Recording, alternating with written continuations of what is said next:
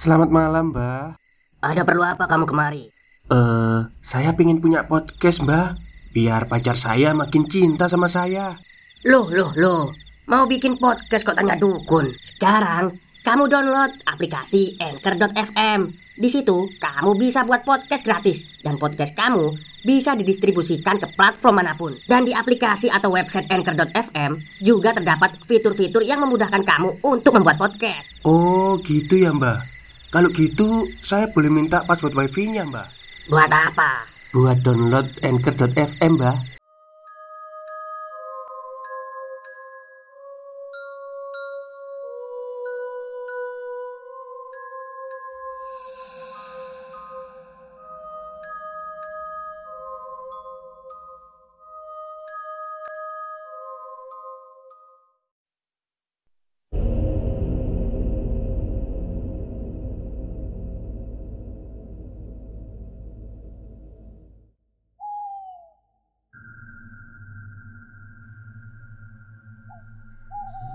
Assalamualaikum warahmatullahi wabarakatuh. Halo semuanya, jumpa lagi dengan saya Chow Sing Sing, kurator dari Podcast Horror Night Story. Halo, apa kabar semuanya? Semoga kalian semua sehat-sehat ya. Dan seperti biasanya, pada malam hari ini saya kembali dan akan membawakan sebuah kisah mistis untuk kalian semua.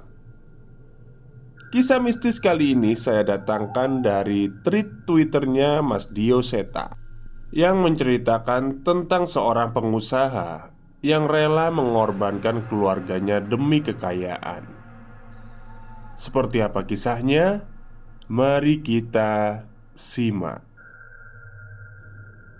Kejadian ini terjadi di suatu desa perbatasan Jawa Tengah dan Jawa Timur. Tepatnya di era 80-an Ketika pembangunan belum menyeluruh hingga ke pelosok-pelosok desa. Sebuah desa sebut saja namanya Desa Jati Alas. Merupakan sebuah desa yang dikenal dengan hasil kerajinan tangan yang menjadi komoditas desa Perkenalkan, aku Rani Salah satu warga desa Jati Alas Yang hidup sangat berkecukupan di desa ini. Mungkin dengan segala sesuatu yang kami punya Keluarga kami dianggap salah satu keluarga yang terpandang. Rani belum ke sumur Tanya seorang warga yang lewat di depan rumahku ini sebentar lagi, Bu. Nanti saya nyusul. Jawabku. Untuk memenuhi kebutuhan air di desa ini, kami harus menimba air dari sumur yang terdapat di ujung perbatasan desa. Sebenarnya tidak jauh, hanya saja untuk keperluan air di rumah, kami harus setidaknya dua kali bolak-balik sumur. Eh Rani Katanya bapakmu nambah karyawan lagi ya? Tanya seorang ibu yang sedang ikut mengantri menimba sumur. Iya bu. Pesanan dari kota tambah banyak. Biar bisa diambil semua. Jawabku menjelaskan kepada mereka. Wah Makin kaya aja keluarga kamu. Harusnya kamu gak usah nimba ke sumur ini lagi. Kan bisa nyuruh anak buah bapakmu. Lanjut ibu itu. Haha Jangan bu. Nanti saya jadi males. Bapak yang nyuruh. Saya harus ke sumur. Jawabku. Giliran datang aku memenuhi jerigen dengan air. Dan segera kembali ke rumah dan kembali lagi ke sumur hingga bak di rumah terisi penuh. Rutinitas inilah yang terjadi di setiap pagi. Siangnya, aku membantu untuk membuat kerajinan. Semua berjalan seperti rutinitas desa lainnya. Namun, malam ini terjadi hal yang tidak biasa. Suara kentongan berbunyi. Jumlah kentongan itu menandakan ada orang yang meninggal. Warga pun keluar dari rumah dan berkumpul. "Mas, siapa yang meninggal? Kejadiannya di mana?" Tanyaku kepada Mas Anto yang lewat di depan rumahku. "Itu Pak Tardi. Katanya jasadnya ditemukan di dalam sumur. Ini saya mau ke sana." Jawabnya dengan terburu-buru. Aku mengenakan sandalku dan menyusul ke sana. Benar yang diceritakan Mas Anto Jasad Pak Tardi terlihat terbaring di sisi sumur Dengan wajah yang sudah ditutup selembar kain Terlihat perangkat desa sedang sibuk Memeriksa kondisi jasad dan lokasi Aku pulang dan menceritakan ke bapak dan ibu. Namun Sepertinya mereka tidak terlalu peduli. Padahal dulunya Pak Tardi pernah bekerja pada bapak Sebelum akhirnya mengundurkan diri.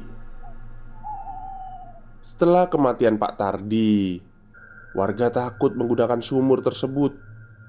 Mungkin karena merasa kurang bersih juga dengan kondisi itu Warga mendesak perangkat desa untuk membuat aliran air dari PDAM Akhirnya, dalam waktu sebulan, semua itu terrealisasikan, dan sumur itu jarang digunakan lagi. Seluruh warga sudah bisa menikmati air bersih dari PAM. Namun, entah mengapa Bapak masih menyuruhku untuk menimba air dari sumur tersebut. Sebenarnya sih aku nggak masalah, hanya saja Terkadang aku merasa ada sesuatu yang mengawasiku dari suatu tempat. Malam ini, suara kentongan kembali terdengar. Seorang anak lelaki hilang seharian dan ternyata ditemukan lagi di dalam sumur. Warga kembali heboh dan menuntut untuk menutup sumur itu. Namun yang mengherankan, Bapak tidak setuju dengan alasan sumur sebagai cadangan air saat PDAM bermasalah. Karena Bapak adalah orang yang berpengaruh, warga dan perangkat desa tidak dapat berbuat apa-apa. Namun, warga sudah sama sekali tidak ada yang menggunakan sumur itu. Sudah sebulan bisnis bapak tidak berjalan dengan baik. Akhirnya, bapak memutuskan untuk memberhentikan beberapa karyawan. Hal ini terus berlanjut. Sesekali aku mendengar perbincangan bapak dan ibu di kamar. "Jangan, Pak. Sudah cukup apa yang kita punya." Ucap ibu sayup-sayup dari dalam kamar. "Enggak, Bu. Kita nggak bisa jatuh miskin lagi. Dari awal kita sudah siap akan resikonya. Ucap bapak dari dalam kamar juga. Aku tidak mengerti apa yang mereka bicarakan. Namun setelahnya pun mereka masih berdebat. Esoknya aku membantu membuat kerajinan bersama pekerja yang lain Terlihat dari jauh Bapak menghampiriku dengan membawa sebuah kendi. "Duk, nanti malam kamu mampir ke sumur ya. Bawa kendi ini dan isi sampai penuh." Ucap bapak dengan menyerahkan sebuah kendi tua. "Untuk apa, Pak?" Tanyaku bingung. "Udah nggak usah tanya-tanya." Ucapnya dengan raut wajah serius. Aku menuruti perintah Bapak.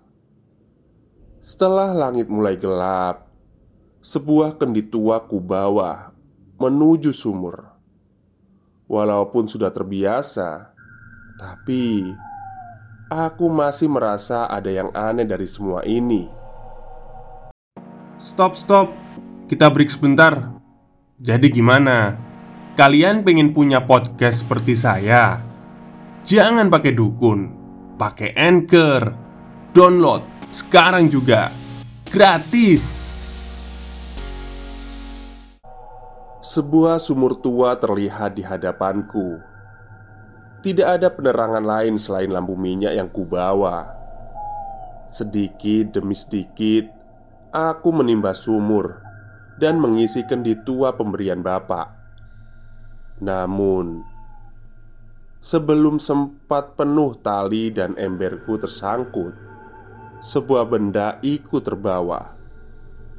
Aku menariknya sekuat tenaga hingga benda itu terangkat ke atas dan terjatuh di samping sumur. Lampu minyak kudekatkan ke benda itu, dan yang terlihat sungguh mengerikan.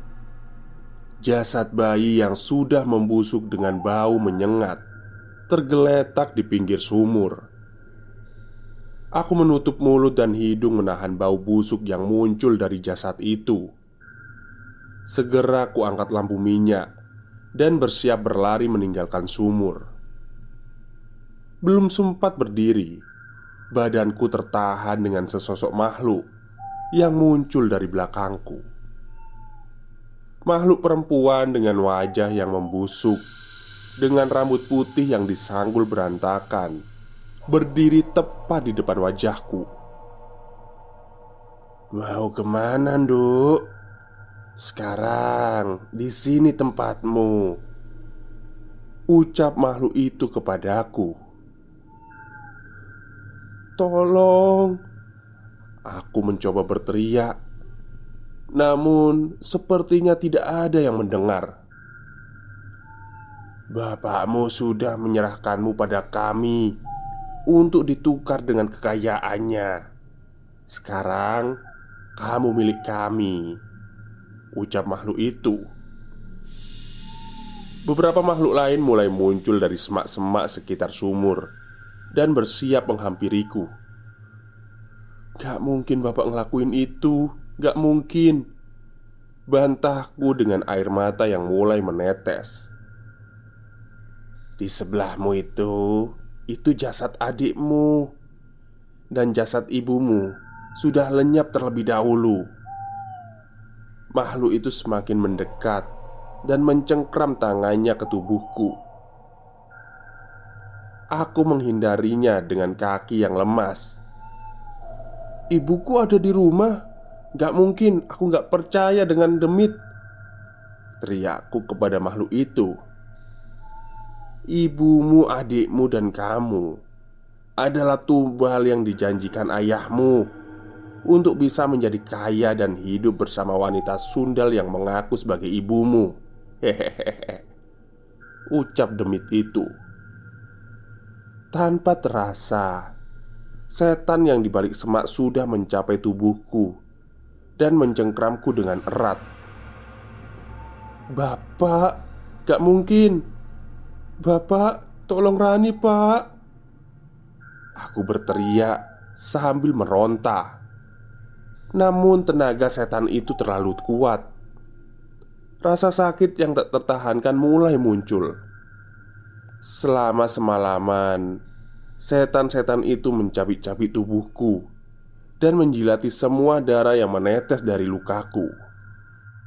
Setan-setan yang baru datang pun bermunculan, melakukan hal yang sama hingga mereka puas dan mengangkatku. Suara gemericik air terdengar. Itu adalah darahku yang menetes di dalam air di lubang sumur. Suara itu terdengar beberapa kali hingga tubuhku menyusul tetesan darahku ke dalam sumur itu sebagai tumbal perjanjian Bapak dengan setan-setan ini. Tamat. Baik, itulah akhir cerita dari tweet Twitternya Mas Dio Seta. Jadi, memang kalau dilihat ya ceritanya memang fiksi ya Cuman ya oke lah untuk diceritakan Oke, mungkin itu saja pada malam hari ini yang bisa saya sampaikan. Kurang lebihnya saya mohon maaf. Wassalamualaikum warahmatullahi wabarakatuh.